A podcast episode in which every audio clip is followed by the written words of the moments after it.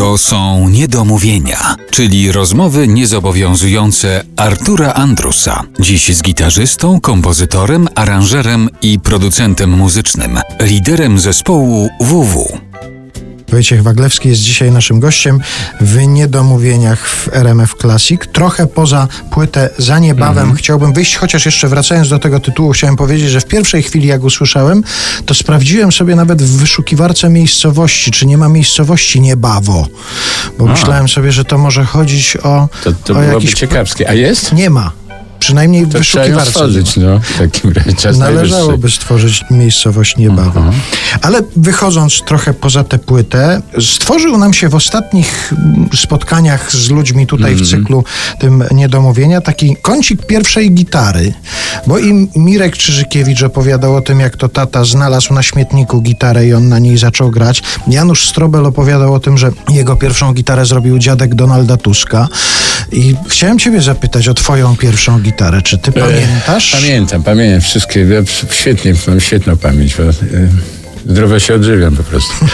Kiedyś mój bratowujek prowadził mnie w ogóle na koncerty rockowe. Między innymi na Audytorium Maksimum e, w Warszawie był taki, w Audytorium Maksimum był koncert Czerwonych Gitar, w którym gramy, śpiewamy najgłośniej w Polsce. Dzieckiem be, be, byłem wówczas i ten koncert zrobił na mnie ogromne wrażenie. Do tego stopnia, że do tej pory pamiętam dramaturgię, do tej pory pamiętam jak ten koncert się zaczynał, jak się kończył, że było na końcu What I Reja Charlesa grane i tam, gdzie w, w oryginale Reja Charlesa są zaśpiewy z publicznością, to u, u, u, i publiczność odpowiada, to, było Dornowski, Dornowski, cała, cała, tak skrzypczyk, skrzypczyk.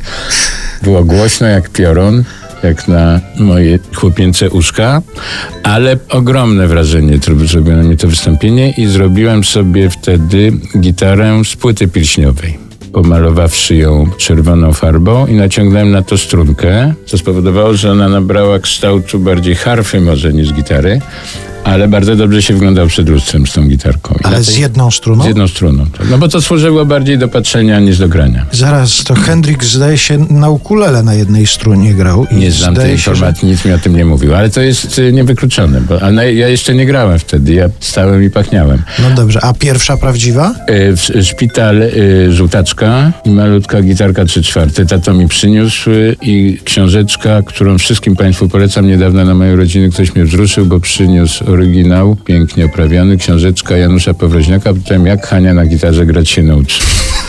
Proszę się nie śmiać ironicznie, piękne, gdyż ona jest najlepszym podręcznikiem do grania na gitarze, jaki kiedykolwiek ever, jak to się teraz mówi, powstał. I wow jest w ogóle.